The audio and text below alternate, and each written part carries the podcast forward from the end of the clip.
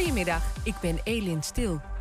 De GGD gaat stoppen met sneltesten om corona op te sporen, die onder meer gebruikt worden bij vakantiegangers. De GGD zegt dat de PCR-testen veel beter zijn, omdat die laten zien met welke variant van het virus iemand besmet is. Ze zijn ook gevoeliger, wat nodig is bij gevaccineerden met minder virusdeeltjes. De publieke omroep doet onderzoek naar hoe de documentaire over D66-leider Sigrid Kaag nou precies is gemaakt. Het kabinet zei eerder dat de partij zich niet had bemoeid met de inhoud, maar dat klopt niet. Gisteren bleek namelijk dat D66'ers dingen eruit hebben laten knippen. Kaag zegt zelf dat ze daar geen rol bij heeft gespeeld.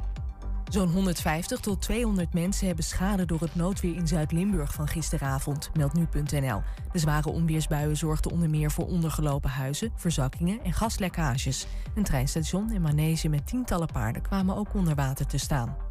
Eindelijk een beetje goed nieuws voor het Nederlandse tennis, want Botik van de Zandschulp is door naar de tweede ronde van Wimbledon. Hij won bij zijn debuut in Londen in vier sets van een Fransman en moet nu tegen de sterke Italiaan Matteo Berrettini. Kiki Bertens en Arangsta Roes vlogen er bij hun eerste wedstrijd meteen al uit.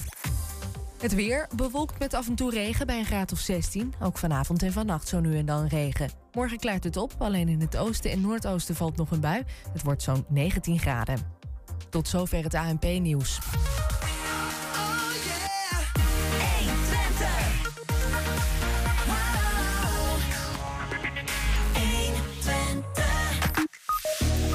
Volkspark in Enschede bestaat volgend jaar precies 150 jaar. We nemen een duik in de geschiedenis en een voorproefje van de toekomstplannen. Het Museum Hengelo gaat na ruim 15 jaar weer open met een nieuw onderdeel. En een leuke uitsmijter van het eh, zoontje van de allernieuwste aanwinst van FC Twente. Het is maandag 30 juni. Dit is 120 vandaag. 120. 1. 120 vandaag. De verkoop van de oude Storkbibliotheek in Hengelo blijft eh, de gemoederen daar bezighouden. De gemeente maakte onlangs bekend dat het pand na een gunningstraject is verkocht aan een projectontwikkelaar van Wijnen. En die willen er een aantal eh, appartementen in gaan bouwen. Nou, op het gunningstraject komt nu vanuit verschillende hoeken kritiek. Het verkooptraject zou niet transparant zijn en daarmee is niet te controleren of het traject wel correct is uitgevoerd. Het college zou zich ook niet hebben gehouden aan een raadsbesluit over het verkopen van gemeentelijk onroerend goed. Dat uh, constateert althans het onafhankelijke Hengeloze raadslid Herbert Capelle en hij is bij ons in de studio. Herbert, goedemiddag. Goedemiddag. Even over dat gunningstraject. Hoe is dat uh, precies verlopen? Um, er is een makelaar geweest. En die makelaar die heeft het ge gecommuniceerd dat, het, uh, dat de plannen ingediend kunnen worden. Toen hebben er 22 partijen hebben daarop gereageerd. Daar is een voorselectie plaatsgevonden. Vijf gingen erdoor naar de tweede ronde, de gunningperiode. En daar is met behulp van een commissie is de, zijn de plannen bekeken. En daar is dan uh, Van Wijnen uitgerold. Mm -hmm. ja. Klinkt als een uh, logische volgorde van uh, taferelen. Maar er ging iets mis. Er ging iets mis, omdat namelijk um, de makelaar zelf zat ook in de selectiecommissie. De makelaar ging over alle informatie. En de, de winnende klant, of de winnende partij, is ook een klant van de makelaar. En ja, dat vind ik niet echt transparant. Hebben jullie daar zicht op gehad als raad, hoe dat is gegaan? Nee, natuurlijk niet. Uh, het is op een gegeven moment is het, uh, is het verhaal gekomen, het, uh, er worden plannen voor ontwikkeld. Um, dat wordt zorgvuldig gedaan en dan ga je natuurlijk niet meteen bij voorbaat al, al afkappen. Hoe moet ik nou achteraf wel zeggen dat het ook wel gebrek aan visie is als je een mooi pand uh, leegkomt. Dat je dan niet gaat rondkijken van nou wat kunnen we daar nou eigenlijk mee doen met mm -hmm. dat pand. Nou, het is natuurlijk wel gedaan. Alleen er is een andere keuze gemaakt dan die heel veel hengeloers, um, waar heel veel hengeloers achter staan. Dus de commissie heeft een ander uh, beeld gehad van wat goed is. De commissie heeft punten uitgedeeld. En dan kun je, nu kun je vragen stellen van uh, waarom hebben ze dan voor de. Want het ging met een weging van 40-60. 40% ging over prijs en 60% ging over kwaliteit, zeg maar. Ja. Of het idee. Ja, en dan kwam, was één hele goede partij, uh, Theater Kamak. Um, en het is eigenlijk heel onbegrijpelijk dat die slechter hebben gescoord met die in dat 60% deel. Mm. Uh, dan uh, de winnende partij die met een vaag verhaal over urban farming aankomt. Is dat zo? Even over, als je het dus hebt over de inhoudspunten die je kon krijgen voor je idee. Heeft Kamak lager gescoord dan het winnende idee van die urban farming? Ja, dat is, dat is toch echt heel, heel erg onwaarschijnlijk. Maar toch is dat, is dat gebeurd. En ja, dat, dat, dat maakt dat ik uh, denk van ja, daar wil ik meer van weten. Ik wil die, die rapporten zien. Ik wil zien we, weten wie die punten heeft gegeven en waarom die punten zijn gegeven. Want als iemand aankomt met een vaag verhaal over urban farming en je zet een paar uh, potten aardbeienplant op het dak neer. Mhm. Ja, waarom is dat, eh, is dat dan een goed, inhoudelijk goed plan? Nou, dat geloof ik gewoon niet. Die makelaar zit in die selectiecommissie, in de jury die uiteindelijk heeft gekozen voor dit plan. Ja. Ehm, hoeveel mensen zitten daar nog meer in?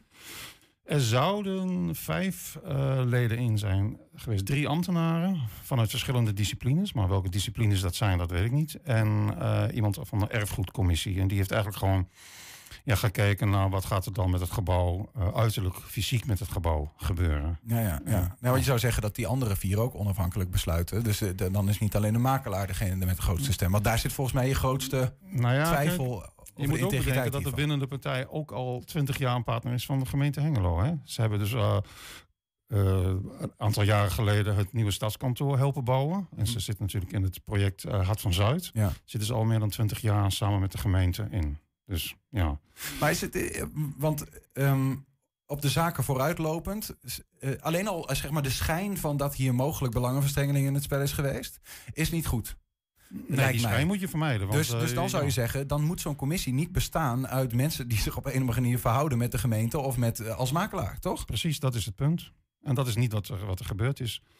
Ja, het is heel erg verleidelijk. Het gebeurt heel veel natuurlijk. Hè. Je, mensen doen graag zaken uh, met, met degene die ze kennen, met partijen die ze kennen. Daar hebben ze vertrouwen in. En dat, uh, ja, dat, dat, is ook in Twente heel, heel normaal dat dat gebeurt natuurlijk. En, uh, maar je moet de schijn van, van corruptie en vriendjespolitiek moet je, moet je vermijden. Maar goed, daar zijn jullie denk ik als raad ook weer kaderscheppend in, toch? Hoe dit soort besluitvorming tot stand komt. Nou ja, dat uh, is een van de taken van een raadslid, is het controlerende aspect. En uh, nu, uh, dat heb ik nu dan ingezet door die brieven te schrijven. Nu wil ik gewoon ook alles zien wat daar, hoe het in elkaar heeft gezeten. Want ik begrijp dat je, je zegt ook van, er wordt eigenlijk een raadsbesluit in de ijskast gezet over verkoop van gemeentelijk onroer, onroerend goed. hoe zit dat precies? Nou ja, kijk, er, er zijn een aantal dingen. Uh, het, zou, het moet uh, transparant en open gebeuren, maar er moet ook een uh, marktconforme prijs uh, betaald worden voor het pand dat te koop gezet wordt. En, en, dan ga je een selectiedocument doen en dan zet je bij er is geen uh, minimale verkoopprijs. Maar volgens mij, als er een marktconforme prijs uit moet komen, dan is er een minimale verkoopprijs, namelijk die marktconforme prijs. Mhm. Dus daar zijn ook partijen mee op het verkeerde been gezet. En die hebben gewoon de makelaar heeft vervolgens een, een brochure en op een website uh, vraagprijs 1 euro uh, neergezet. Ja, maar dat, dat kan helemaal niet, want het heeft geen vraagprijs van 1 euro. Want dat is niet marktconform. Dat is, dat is niet marktconforme prijs. Maar dus. dat speelt denk ik juist projectontwikkelaars in de hand voor dit soort gevallen. Toch? Want die hebben vaak meer geld dan een theatergroep. Nou ja, dat is, het verschil schijnt ongeveer een ton geweest te zijn. En, en zelfs dat is nog uh, beneden de marktconforme prijs verkocht. Ja, maar waarom vind je dat een probleem? Want ik zou zeggen van als, als, uh, de, als de, bij deze gunning is gezegd vanaf 1 euro mag je bij wijze van bieden, dan heeft Kamak daar toch alleen maar voordeel bij en geen nadeel. Um, toch moet er een marktconforme prijs voor betaald worden uiteindelijk. En dan ga je toch niet van tevoren een soort biedingen uh, uh, procedure op gang brengen. Om, omdat je zegt van als je dus zegt als er geboden kan worden, kun je ook sterk overbieden. Je zegt van je, je zou het ja, gewoon voor gaat, één ja, prijs in de markt moeten zetten. Ja, want je gaat uh, een ja, weging van 40% op die prijs doen. Dus dan ga je toch zeggen van hé, hey, dan, is het, dan loont het dus om uh, een hoger bod te doen. En als dan ook nog de makelaar. Um, die Van Wijn als klant heeft, die, die kan gewoon informeel kan je gewoon zeggen van goh, wat hebben die, die anderen eigenlijk geboden? Nou, drie ton, nou weet je wat, okay, tonnetje meer. En dan uh, die, die, die mogelijkheid. Het bestaat natuurlijk dat dat gebeurd is. Ja, maar dat, dat, dat, zijn ook best wel aantijgingen die je hier doet. Hè? Dat, dat er onder, onder water zeg maar belangenverstrengeling is. Maar is dat iets wat je... Het, is, het valt niet uit te sluiten. En, en daarom dus die transparantie. Dus je, je kan niet op deze manier een voordeel verschaffen... omdat je betere informatie hebt dan andere partijen. Dat is, dat is uh, concurrentievervalsing. Dat ga mag je- op de beurs niet en waar mag het hier wel? Nee, je, je, gaat, je gaat nu dus, je wil eigenlijk zeg maar de, de onderste steen boven in dit verhaal. Dus je, wat, wat heb je allemaal opgevraagd aan documentatie? Ehm, nou, ik heb gewoon mijn eigen eh, research gedaan wat in het publieke domein zit. Daar kun je uit, eh, uit vinden. Op het internet kun je gewoon vinden dat Van Wijn een, klant is van deze makelaar.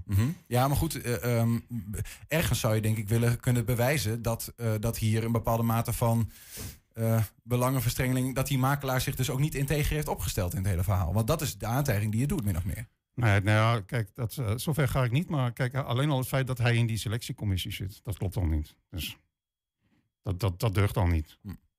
Dat is al belangenverstrengeling. Ehm, Ja, wat, wat is dan nu eh, de, de, de, nog, nog, wat, wat zit er nog in de pen? Want uiteindelijk, um, er is een, er is een, uh, een, petitie opgesteld, die is ook flink ondertekend. Maar goed, onlangs is er een uh, raadsvergadering geweest waarin ook de wethouder heeft gezegd, ja, dit is gewoon, uh, dit, dit is een gedane ja. zaak. Ja, nou ja, de, de, de motie die ik en, en andere partijen hebben ook een, een, motie ingediend en die zijn niet aangenomen. Maar als blijkt dat um, uh, het college zich niet aan de regels, eigen spelregels heeft gehouden, dan zal het toch teruggefloten moeten worden. Dat, dat kan nog. Dat denk ik wel, ja. Dat, uh, dan moeten zij dat uh, terugtrekken. Maar stond er in de spelregels dat de makelaar van dienst geen onderdeel mag zijn van de selectiecommissie? Is dat houdbaar?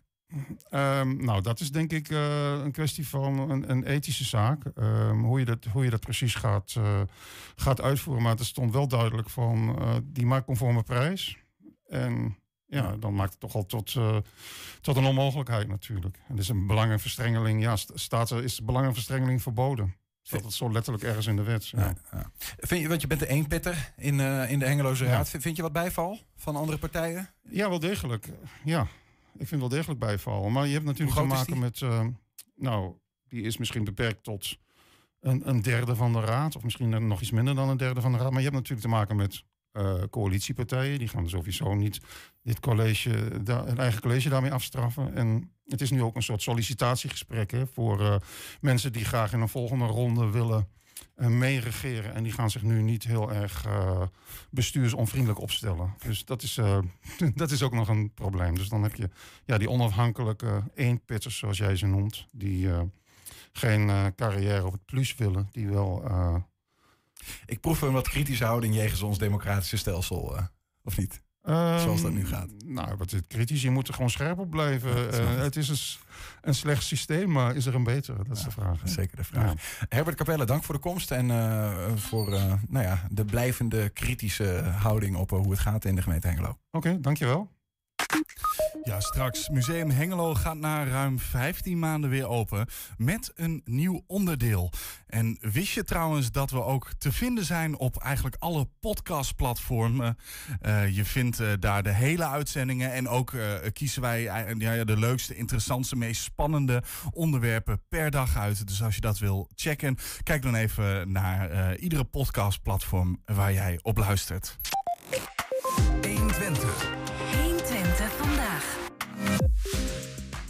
Volgend jaar, volgend jaar is het uh, exact 150 jaar geleden dat textielfabrikant Hendrik Jan van Heek een park schonk aan de Enschedeze textielarbeiders en hun families. Nu is er een visie opgesteld om het Volkspark te veranderen en ook voor de komende 150 jaar voor de inwoners te behouden. Straks praten we over verleden en toekomst van het Volkspark met Van Heek nazaat Violet van Heek, landschapsarchitect Marina Eenschoten en beheerdersvoorzitter Arthur Burghouts. Eerst geeft Arthur ons een rondleiding door het oudste park van Nederland.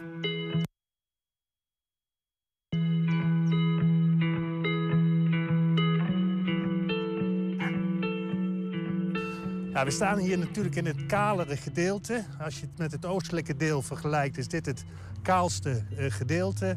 En daar is eigenlijk de, het hele oude ontwerp van Watté is, is, is hier weggevallen. Sinds dat de sportvereniging, het PW, de voetbalvereniging, de weg is... is hier veel meer recht toe, recht aan paden neergelegd... en uh, veel minder de konkelige Engelse landschapsstijl... zoals die ook nog in het oostelijke deel goed is, uh, is te zien. En dat willen we hier terughalen, maar dan wel zodanig... dat we ook de evenementen hier goed kunnen organiseren. Wat voor een project wordt dat? Want als je al die paden uh, die nou zeg maar recht toe recht aan zijn, uh, uh, kronkelend wil aanleggen, dat, dat, dat, vraagt wel wat werk voor. Dat vraagt werk, absoluut. En dat is ook ja, echt, als je ook in het, in het, in het, in het visiedocument kijkt. dit is niet iets wat we in een jaar gaan realiseren. En we gaan het zodanig in stukken opdelen dat we dus kunnen, bepaalde stukken kunnen pakken en, en kunnen realiseren. Dus zo'n padeninfrastructuur, die hoop je ineens te kunnen pakken. Bijvoorbeeld in combinatie met de, de wateropvang die we in dat gedeelte van het park gaan realiseren. En ook wat je hier dus krijgt, hè, want je hebt hier nou nu echt van die grote grijze vlakken erin zitten. Ja. Dat je hier ook, ook hier van die achtjes krijgt. Die, die Engelse landschapsstijl. En de achtjes, dat is de gedachte van Marina... dat je constant achtjes rondjes kunt lopen. En daarmee steeds een ander perspectief op het park hebt.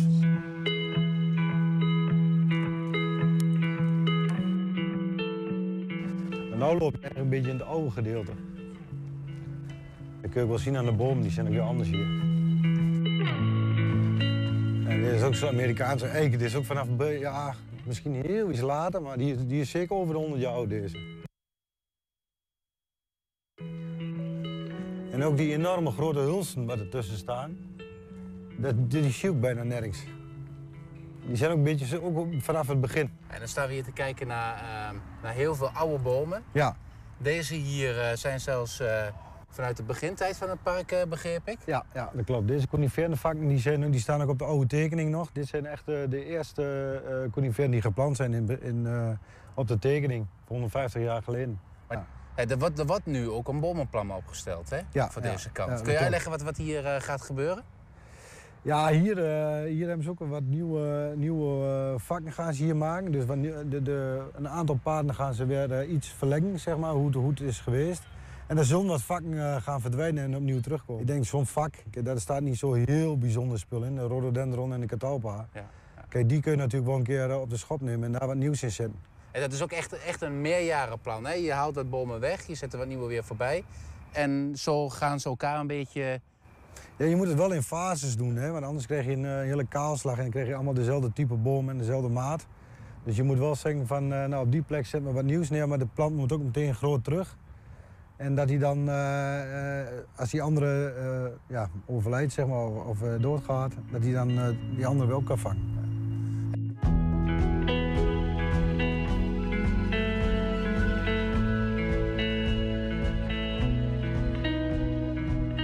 En je, zegt ook eh, 150 jaar kijken jullie vooruit. Dat is, dat is een hele tijd.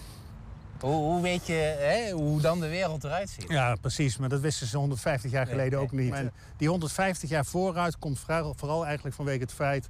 volgend jaar bestaat het park 150 jaar.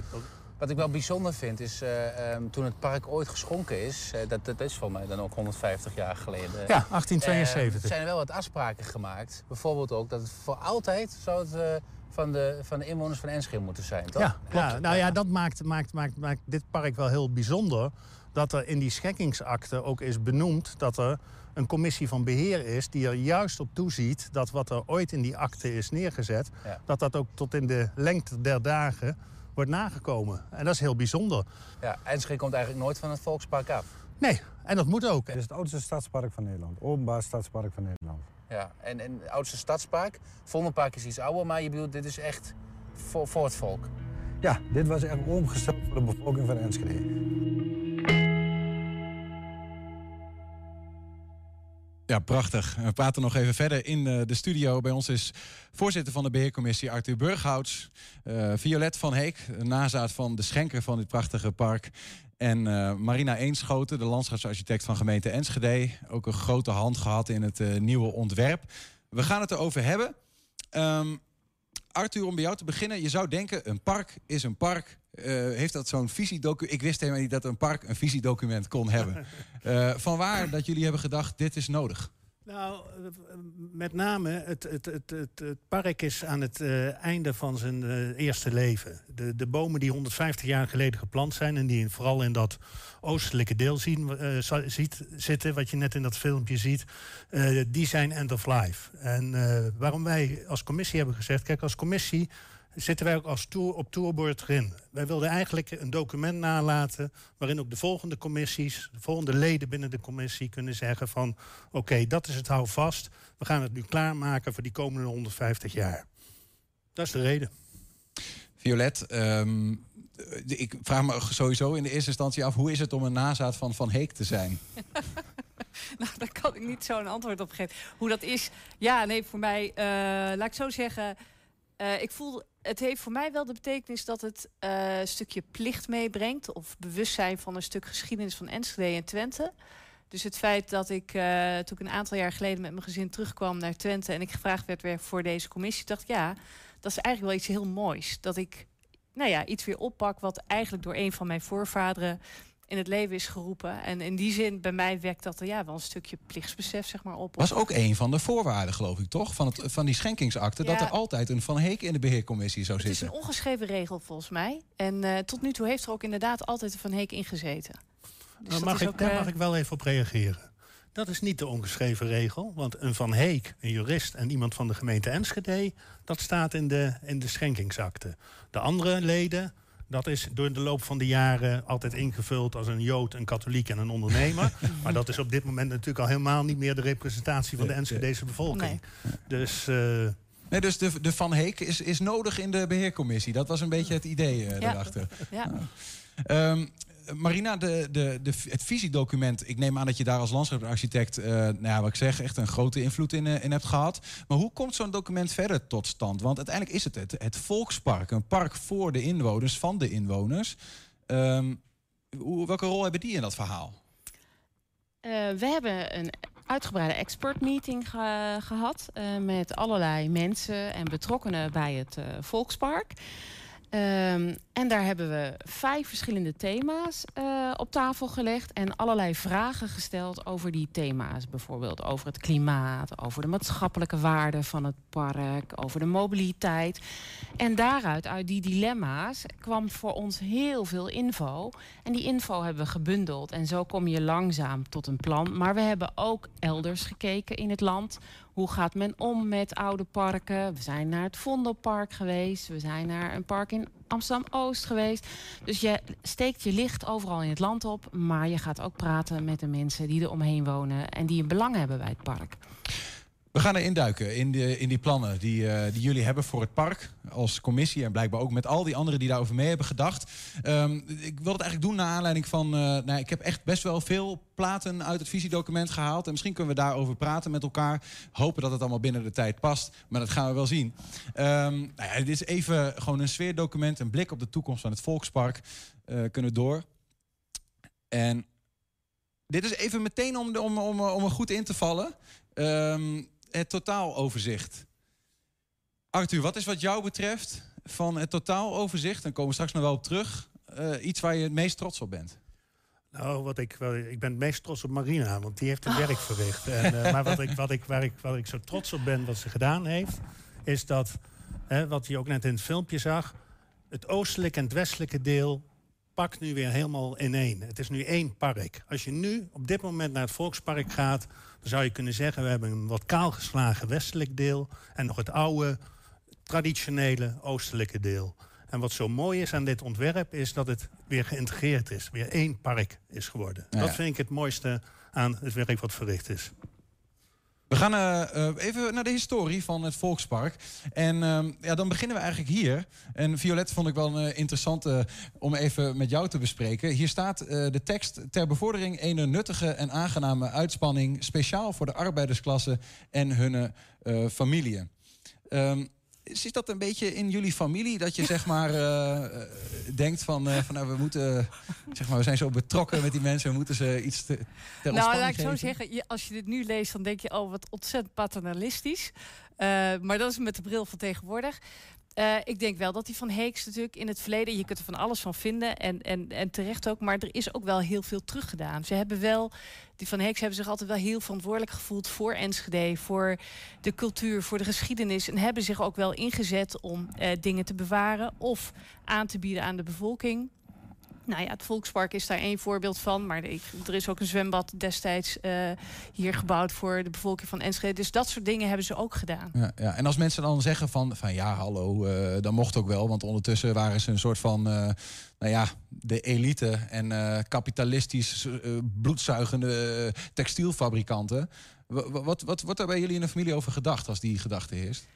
Nou, ik denk dat, ehm, ik denk dat de generaties die, die, die ouder zijn... daar meer moeite mee hebben als dat gezegd wordt. Dat zijn natuurlijk ook vaak de generaties die zelf nog nou ja, die generatie is er nauwelijks meer, zelf echt in de textiel werkzaam zijn geweest. Dus zelf uh, directeur zijn geweest of wat dan ook. Ik denk dat de generaties daarna al daar anders naar gaan kijken.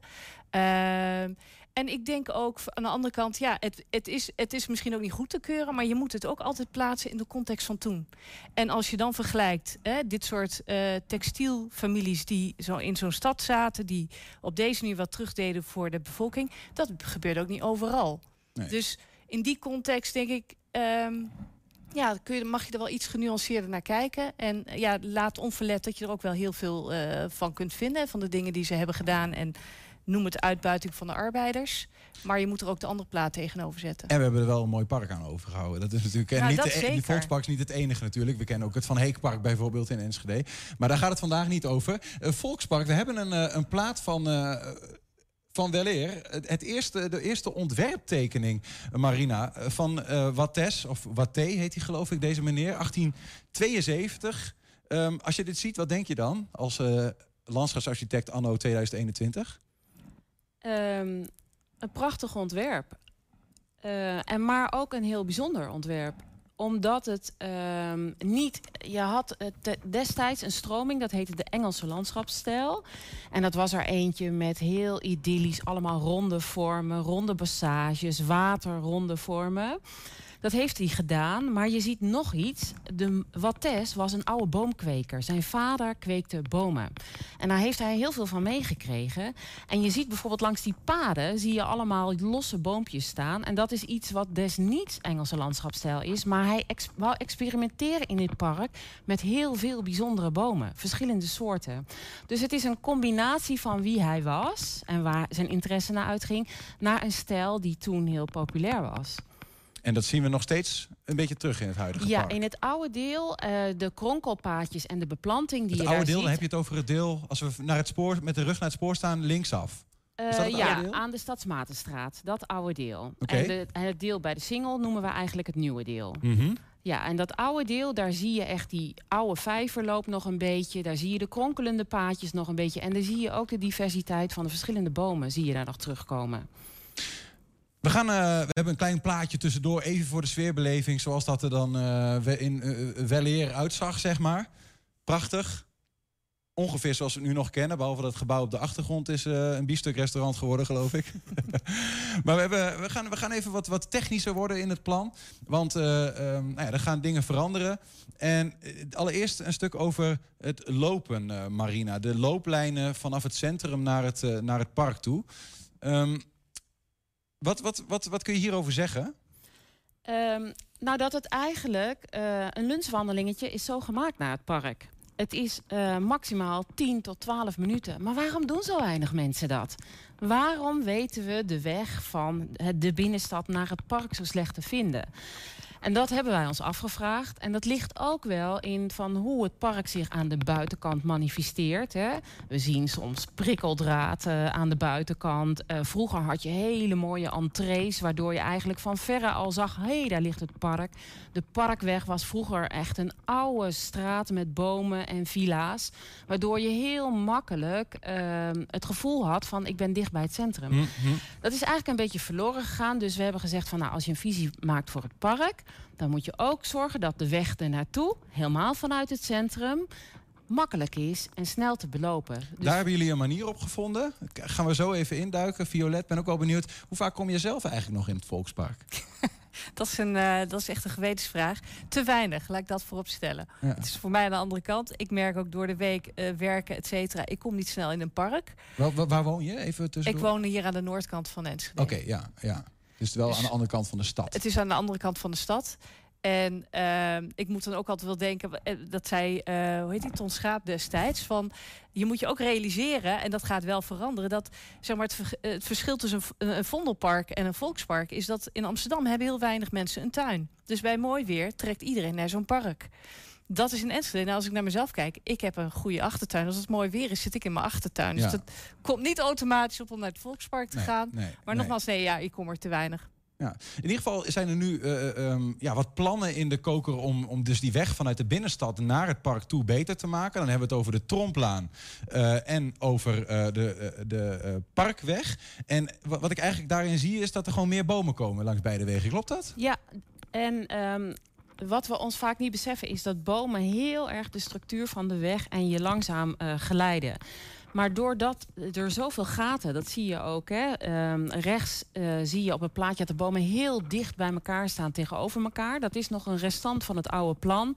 Maar we hebben in de loop der jaren hebben die bomen in een driehoek geplaatst. Met veel meer ruimte ertussen. Op de kruisingen hebben we geen bomen meer geplant. Waardoor je die geleiding naar het park.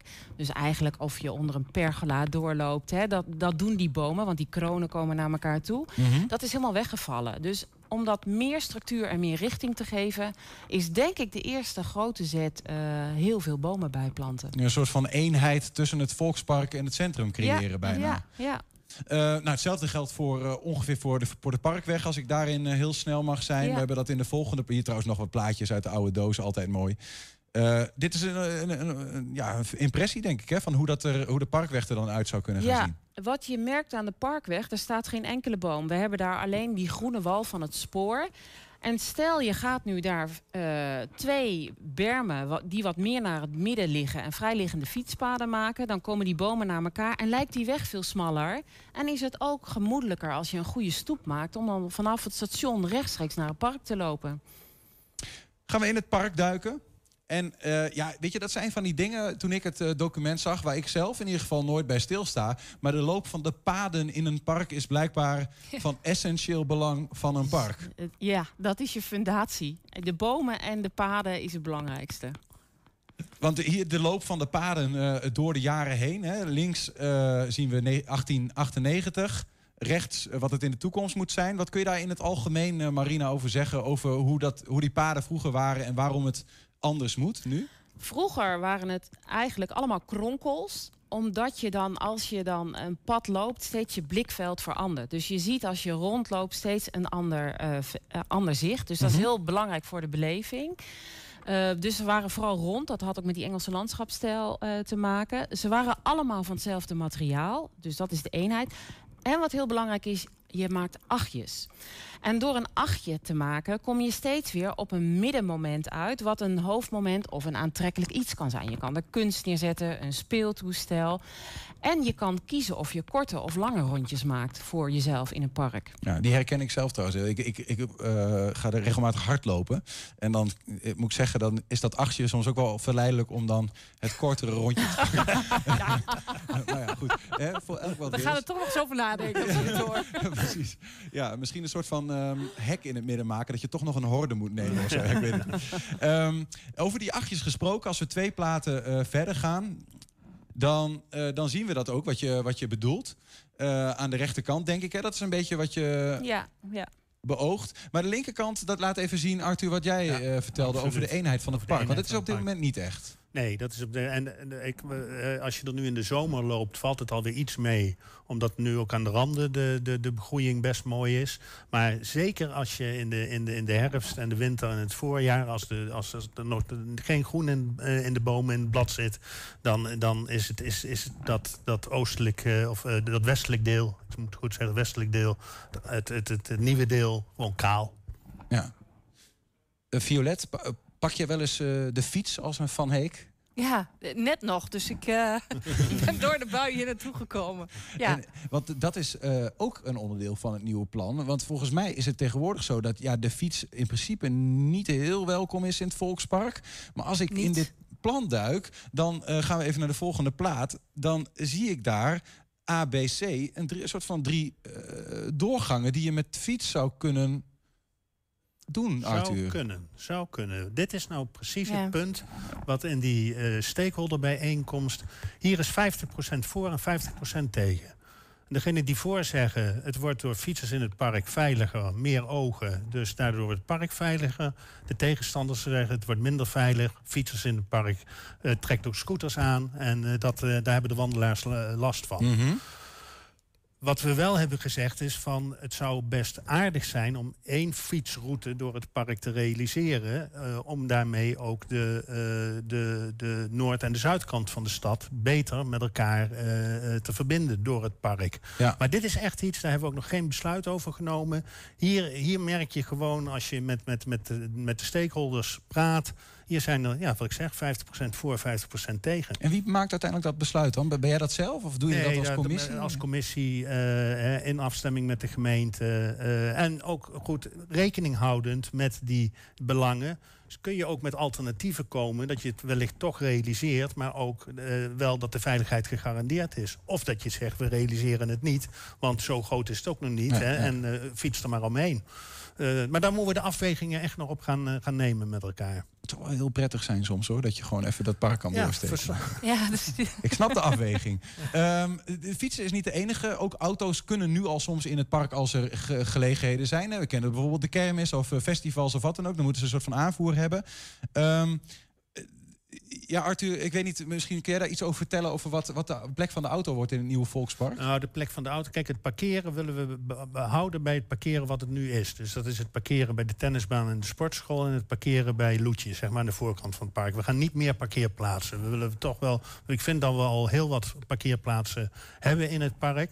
Maar inderdaad, voor als we evenementen hebben... het wintercircus, het, eh, in het Volkspark... wat we natuurlijk toch echt hopen volgend jaar te gaan organiseren. Een groot eh, concert, de twee kermissen. Dan moet het eh, park ook toegankelijk zijn voor grote auto's... die materiaal aanleveren. Nou, dat is inderdaad via die twee kanten, die twee pijltjes die, je- die, je, die, je, die je ziet. Daar heb je asfalt voor nodig. Daar heb je het, ook het fundament, de fundering, dus de, de, de stevigheid voor nodig... dat daar ook grote auto's op kunnen rijden, vrachtwagens op kunnen rijden. Maar die mogen eigenlijk niet zichtbaar zijn, las ik. Nou, nee, maar die mogen, die mogen zichtbaar zijn op het moment van de op- en de afbouw. Ja, Die blijven niet in dat park. nee. Maar en, en daar hebben jullie een soort van plan voor in de pen... om die straat eigenlijk ja, een soort van speelse te maken. Ja, een soort atletiekbaan. En dat is ook precies dat rondje wat je ziet. Eh, z- Hij is precies 400 meter. Dat is het rode... Ja. En de 400 meter is ook een atletiekbaan.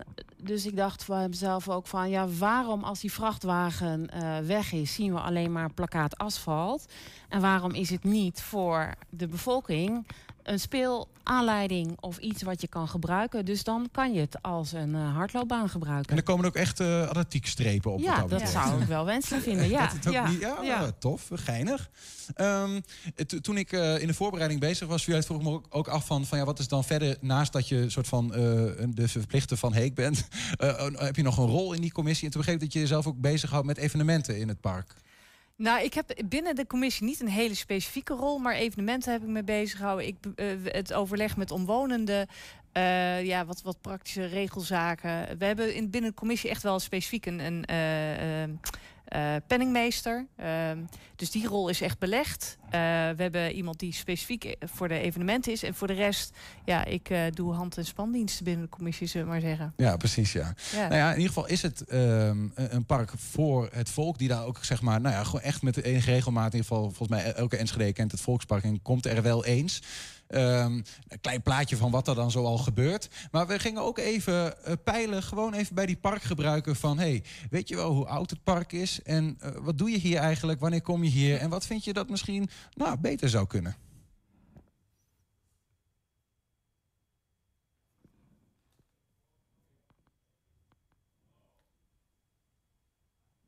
We horen nog geen audio in de video. Nou kan ik dit proberen te soort van ondertitelen met mijn stem, maar dat gaat niet. Hebben we een technische issue daarmee?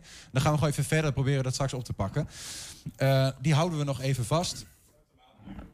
Ja, we gaan proberen nog één keer even die video van de parkbezoekers. Heeft u eigenlijk enig idee hoe oud dit park is? Hoe oud?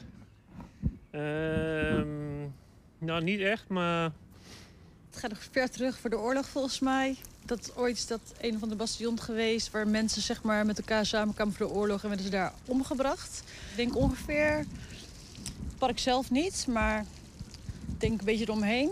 Ik denk ongeveer 1700, 17e eeuw, 18e eeuw of zoiets. Ehm 100 jaar, volgens mij. nou, ik denk dat het eh, in de Tweede Wereldoorlog ongeveer al was, denk ik. Ja. Maar ik weet niet zeker. Ja, volgend jaar bestaat hij 150 jaar Kijk, officieel. ja, dat is al iets langer. Heb jij een eh, bepaalde herinnering aan dit park?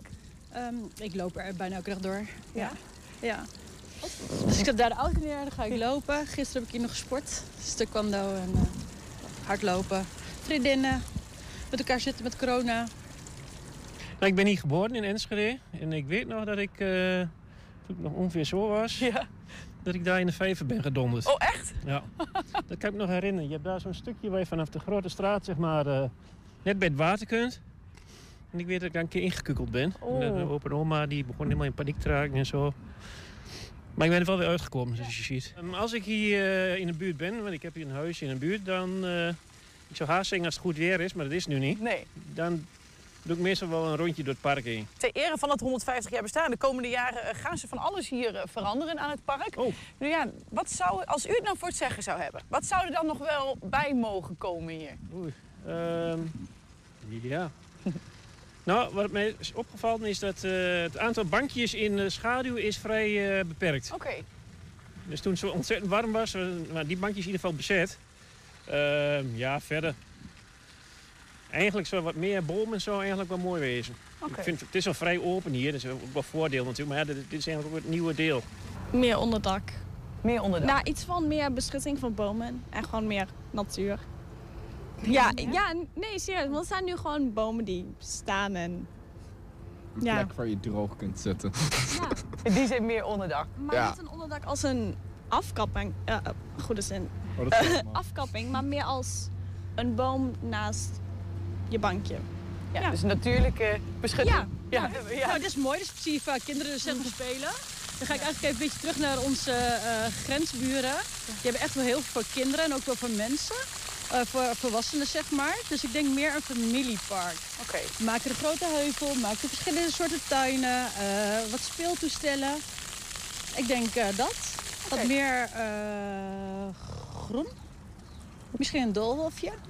Met beplanting, maar vooral niks doen aan plat gooien. Dus niet die grote bomen weg. Volgens mij, eh, Arthur, eh, zitten jullie op rozen als ik dit zo zie. Dan sluit het plan aardig aan. Ja. Ja, want we hebben een plaatje Ja. even van hoe dat park er qua voorzieningen uitziet. Wat valt hierover te zeggen, Arthur? Nou, dat we dus, dus die, die atletiekbaan ook eh, gebruiken naast het vrachtverkeer voor het aanleveren van, eh, van voor de evenementen. Dat we daarin ook de voorzieningen willen treffen. Dat je daar ook hè, het wintercircus, de, de, de, de twee kermissen, het concert, kunst in het volkspark. Dat je dat ook eh, gewoon goed kunt faciliteren met leidingen die al in de grond liggen. Dat willen we aan die kant allemaal doen. En dan linksonder is, is dat gedeelte waar die ook die tijdelijke waterberging komt. Als we, als we echt enorme regenbuien krijgen, dat daar de piekbelasting eh, afgevoerd eh, kan worden. Mhm.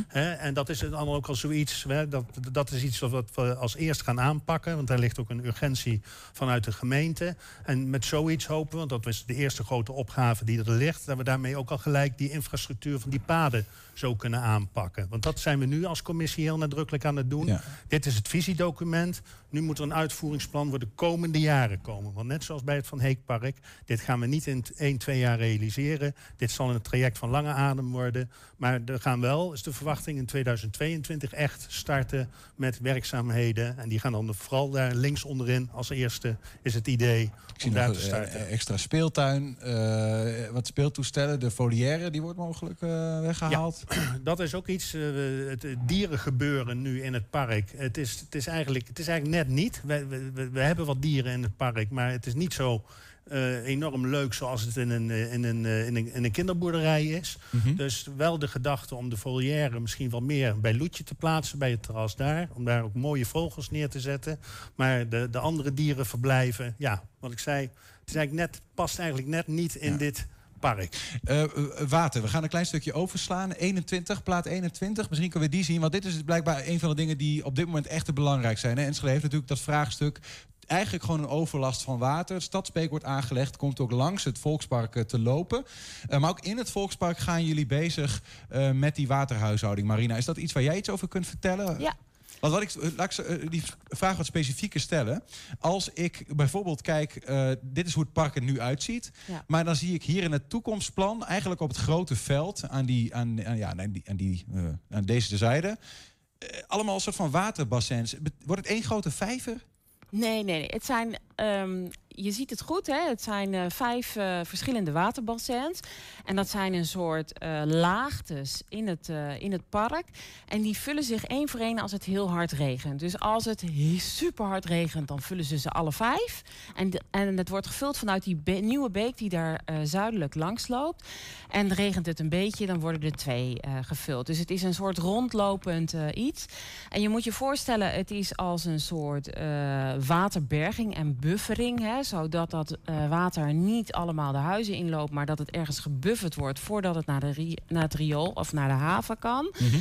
En eh, in tijden van droogte en mooi weer, dan is het een grasvlakte. En dan kan je er heerlijk spelen, picknicken. Ja, oké. Dus we leveren niet in op onze voetbalgelegenheid. Nee, zeker niet. Want hier ziet u ook twee plaatjes van een park in Kopenhagen. En je ziet ook wat het verschil is als het nat is en als het droog is. Kijk, als je houdt van in de regen eh, plassen stampen, dan kan je er uitermate altijd nog spelen. Maar als je houdt van spelen in droog weer, dan kan je er ook spelen. En Marina, het is ook niet eh, de verwachting dat dat eh, continu vol staat, Nee, toch? nee, het wordt loopt echt langzaam voor noodsituaties. Ja. Een eh, uit, uitwijdgelegenheid voor het water, Ja, zeg ja. maar. Dus je krijgt eigenlijk drie eh, verschillende soorten water in het park. Je hebt die oude eh, waterloop. Hè, daar gaan we iets weer aan sleutelen dat hij meer zijn oorspronkelijke vorm krijgt. Dat is continu watervoerend. Dus die eendjes die zwemmen daar altijd in die oude waterloop. Dan heb je die bassins. Nou, die zijn niet continu watervoerend, alleen bij heftige regenval. En dan heb je zuidelijk de beek lopen. En die beek is ook niet continu watervoerend. Die zal soms heel vol staan en soms zal die eh, ja, misschien wel droog vallen.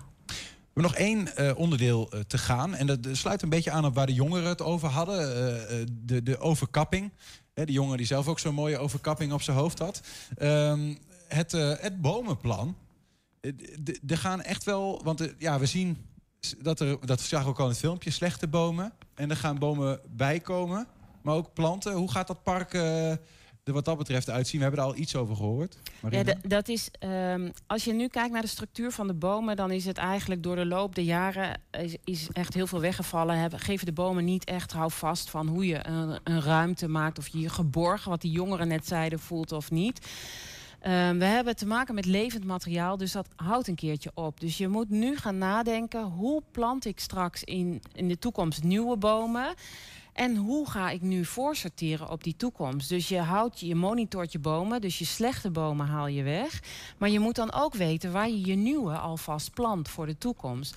En wij hopen daarmee dat je een meer, eh, als je dat uitsmeert over een aantal jaren, een meer eh fasegewijze beplanting krijgt. Waardoor dat park niet in één keer alle bomen doodgaan. Want je moet je voorstellen, dit, pla- dit plan is natuurlijk in 1873 in één keer al die bomen geplant. Ja, het kan dus in het slechtste scenario zijn dat alle bomen tegelijk doodgaan en dan heb je helemaal geen park meer. Ja, dus je moet iets doen om de, om de tijd te gaan versieren. Mooi. We hebben nog één, eh, eigenlijk gewoon weer terug naar eh, waar we mee begonnen. Even het totaalplaatje eh, van hoe het Volkspark er in de toekomst uit zou kunnen gaan zien. Ehm, Violet, je zei al even, ja, het bepaalt, nou ja, plichtsbesef. Hè. Je zit daar graag in die commissie om ook je rol als Van Heek voor het behoud van dat mooie park te hebben. Als je hier naar kijkt, ehm, ja, heb je dan zoiets van, yes, dit, is, dit hebben we goed voor elkaar gebokst. Ja, ik vind het super. Ik, vind dit, eh, ik, ik denk dat we hiermee ook. Hè, we hebben het, klimaat wordt ook een factor. Dat komt eh, op deze manier ook aan bod in dit park. Het park wordt onderdeel van, echt onderdeel van het centrum. Eh, ik hoop dat er nog meer mensen gebruik van gaan maken op deze manier. Het komt tegemoet aan evenementen. het komt eigenlijk tegemoet aan allerlei soorten en smaken van mensen die dat park bezoeken. Dus ja, ik word hier heel enthousiast van. Op naar de komende 150 jaar. Ja, zeker. En Arthur, wanneer worden, worden die eerste eh, schoppen in de grond gezet voor wat betreft Nou ja, het dat is wat ik net zei, dat is best heel lastig. Dit jaar de planvorming, dan hopen we echt in 2022 te kunnen beginnen. Maar echt met de ambitie die we hebben neergelegd, eh, gaan we er echt de tijd voor nemen. Mensen die geïnteresseerd zijn, op onze website is nu het visiedocument ook al te zien. Eh, we- het ligt nu ook bij de drukker, zodat we er ook een mooie hardcopy van kijken. Maar mensen kunnen al op eh, volkspark.nl visie kunnen ze het document eh, downloaden. En, eh, en onze uitdaging wordt natuurlijk om ook de financiering hiervoor rond te krijgen. Dat zullen we deels zelf moeten doen. Deels kunnen we meeliften met wat er onder andere met die waterberging gaat gebeuren. We zijn heel blij dat ook de gemeentelijke politiek eh, zich positief uitlaat. Ik weet dat de VVD een motie op de zomernota aan het voorbereiden is om de komende jaren het, eh, deze plannen ook structureel te ondersteunen. Dus daar zijn we ongelooflijk blij mee. Maar we zullen als commissie ook hard aan de bak moeten om eh, meer inkomsten te genereren om dit in de komende jaren te kunnen gaan realiseren. Hopelijk heeft eh, dit gesprek en de mooie ideeën iets, dragen die iets bij aan die giften die daarvoor komen. Arthur Burghout, voorzitter van de beheercommissie. Marina Eenschoten, landschapsarchitect bij gemeente Enschede. En Violet van Heek als nazaat van die familie eh, in die commissie van beheer van het Volkspark. Ontzettend bedankt voor jullie komst. En eh, heel veel plezier met eh, nou ja, de uiteindelijke uitrol van die plannen. Dat we maar een mooi nieuw Volkspark mogen krijgen. Dankjewel. Dankjewel. Dankjewel. 120. 120 vandaag. Ja, de vrijwilligers van Museum Hengelo hebben de coronaperiode goed gebruikt. In de 15,5 maand dat het museum dicht zat, is er hard gewerkt aan een nieuwe kennis- en informatiecentrum.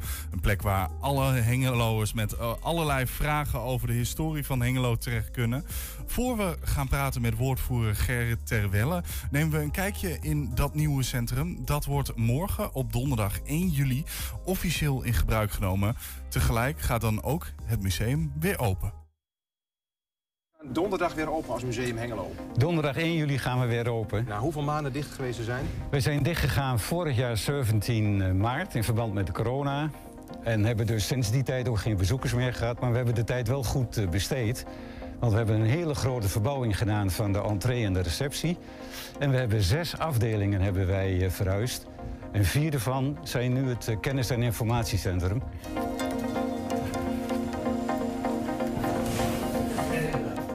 Hier zijn wij in het... Kennis- en informatiecentrum van het, eh, van Museum Hengelo. En dat bestaat eigenlijk uit drie delen. Dit gedeelte waar we nu staan, dat is het de bezoekersruimte. Hier kunnen dus bezoekers komen die vragen hebben over films, over foto's, over boeken. Die kunnen op een eh, pc kunnen die bijvoorbeeld eerst de films en de foto's bekijken. En als ze daar vragen over hebben, gaan ze naar de collega's. En daar kunnen ze de vragen stellen. Hoe, hoe bevalt het hier op de nieuwe werkplek? Ja, eh, het is even wennen, maar eh, het is wel, eh, wel ruimte, meer ruimte dan, dan hierboven. Het was allemaal krap en op elkaar. En mooi, het eh, documentarchief en eh, wij werken samen. Dus we zitten nu bij elkaar en dat is ook wel eh, prettiger. En het grote voordeel van nu is dat we alles in één ruimte hebben. Dat er goed geoutilleerd is. Terwijl we in de vorige situatie zaten we boven. Ja, dat was een beetje oude mik. Daar kon je eigenlijk geen bezoekers goed ontvangen. En dat kan nu, nu wel. En dat is heel belangrijk. We praten nog even verder met eh, Gerrit Terwelle. Goedemiddag. Goedemiddag. Ja, 15,5 maand potdicht zitten. Ja, dat valt tegen. Dat zou geen bedrijf overleven. Dat weet ik niet, maar het valt voor een museum valt het heel, te- heel erg eh, tegen. Want eh, we zijn wel met veel vrijwilligers. En je gaat toch regelmatig, loop je s'morgens eh, zeg maar naar je werk toe. Of naar het museum in dit geval. En dan weet je dat er al geen bezoekers en geen activiteiten en geen evenementen zijn. Ja. Dus dat, dat was een tegenvaller. Was die verbouwing dan een soort van pleister op de wonden dat je nog iets kon doen? Ja, die hebben we naar voren gehaald. We zijn het ooit van plan eh, geweest om het, eh, om het te doen. En door die corona hebben we op een gegeven moment gezegd van ja, nu kunnen we het dus echt eh, gaan, gaan toepassen. En toen hebben we en de verbouwing en de verhuizing gedaan. De, het museum bestaat eigenlijk uit, uit twee delen. Een wat Twee jonger gebouwen. deel en een ouder deel. Ja, dat zo twee zeggen? gebouwen. Ja, en het, in het jongste deel heeft een soort van eh, volksverhuizing Ja, plaatsgevonden. daar hebben we zes eh, afdelingen hebben we daar eh, verhuisd. En die zitten nu allemaal bij elkaar in het, zeg maar, in het nieuwe gedeelte. Mhm. En hoe, hoe, hoe doe je dat? Want je hebt, je hebt, je hebt vrijwilligers rondlopen. Ja, maar dat soort plannen ontwikkelen kost geld. Ja, dat kost ook geld. We hebben ook als bestuur op een gegeven moment gezegd... van een bepaald bedrag willen we zelf investeren.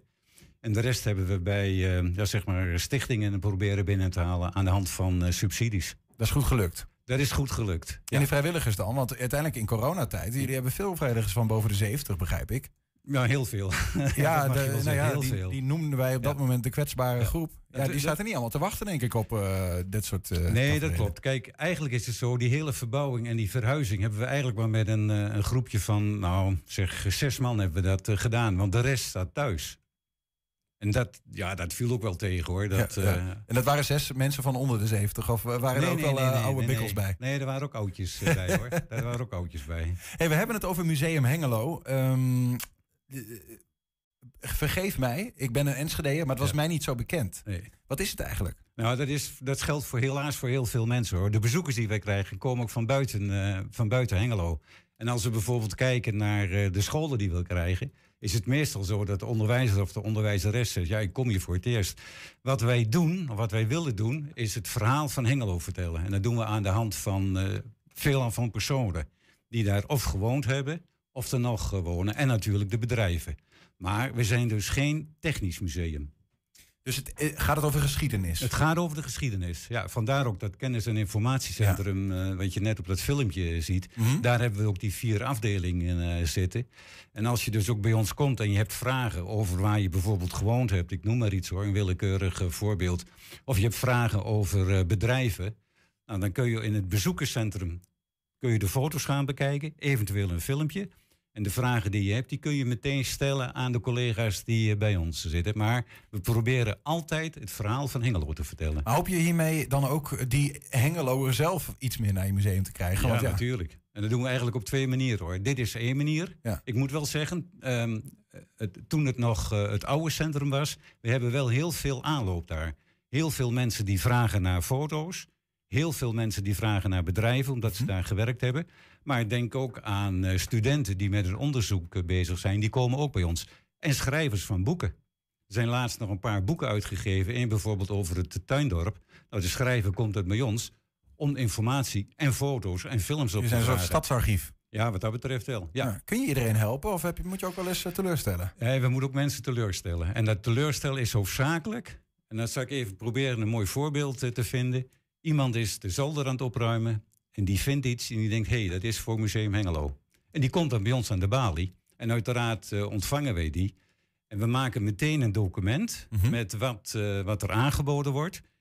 In datzelfde document staat uh, wat mogen we mee doen als we het zelf niet kunnen gebruiken. Want wij gaan het wel onderzoeken hè, of het iets met Hengelo te maken heeft. Bijvoorbeeld een poef, die, uh, daar hebben we er misschien wel 80 van. Nou, daar hoeven ze niet meer mee te komen. Maar dan zeggen we wel tegen die mensen, mogen we het aan een ander museum geven. En daar moeten ze voor tekenen.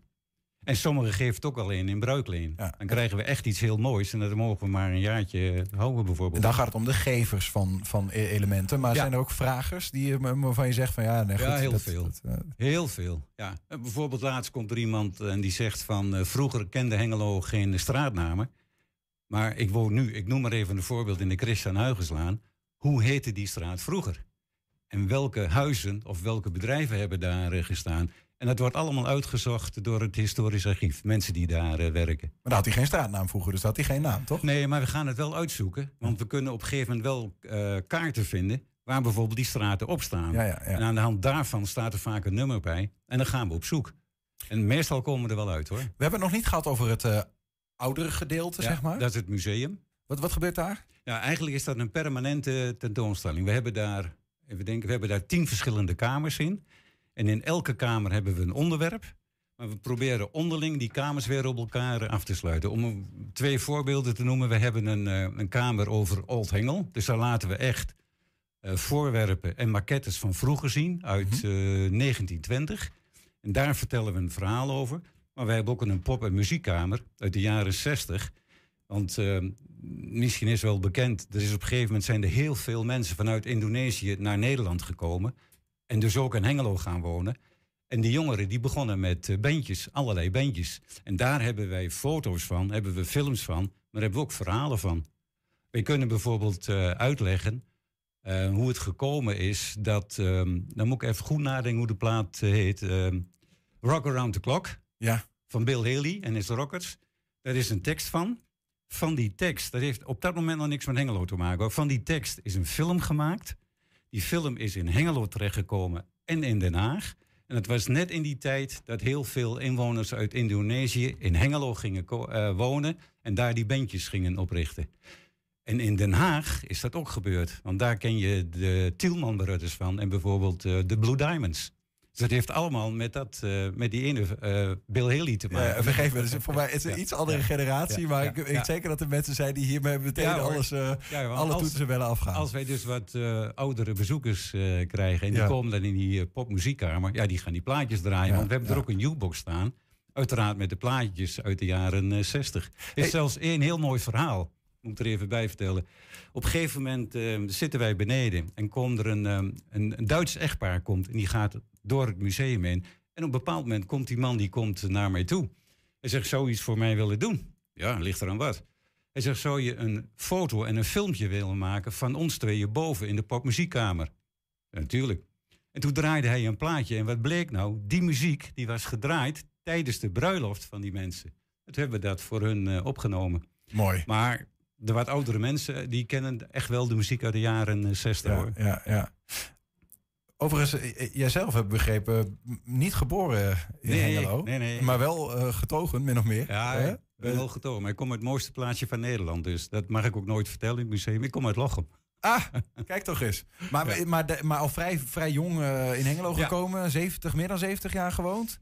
Eh, nou, dat nog niet. Zo, zo, Zo ben ik nog niet? Nee, Nee, nee. Toen ik acht jaar was, zijn we naar Hengelo eh, gekomen.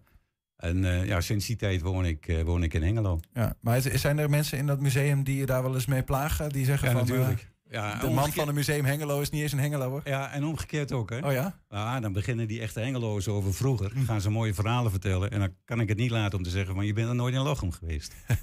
Maar ik moet wel zeggen, ehm, sinds ik dan bij het eh, museum eh, vrijwilligerswerk doe, valt het mij wel op dat als we naar eh, films van vroeger kijken of als we naar foto's van vroeger kijken, ga je toch regelmatig kijken of je er zelf ook op staat. Ja, ja, En dat vind ik wel het mooie. En we hebben hartstikke mooie verhalen over Hengelo. Dus dat doet mij dan wel weer goed. Museum Lochem, dat is niet, niet in de pen. Ken ik niet. Nee, ken ik ook niet. tot slot, wanneer kunnen mensen langskomen in het nieuwe museum? Nou, vanaf 1 juli. En het liefste is, eh, zeker als het voor het kennis- en informatiecentrum gaat, eh, dat ze zich eh, aanmelden. En anders kan het sowieso op de dinsdag en op de donderdag.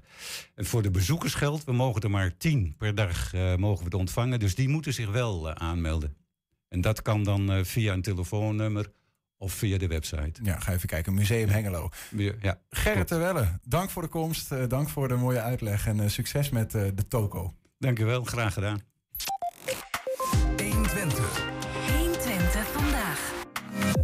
Ja, tot slot, eh, deze willen we je niet onthouden. Gisteren tekende Jody Lukoki bij FC Twente. Ja, we besteden daar toen ook aandacht in in 120 vandaag... met een fragment uit het interview eh, dat we met hem hadden. Maar wat je toen nog niet zag, is hoe Lukoki junior de show stal. Heb je zoontje bij je? Wat vindt hij ervan eh, Ja. om zijn vader in een FC Twente shirt te zien? Ja, ik zou hem eigenlijk- vragen. Vind je het mooi? Ja?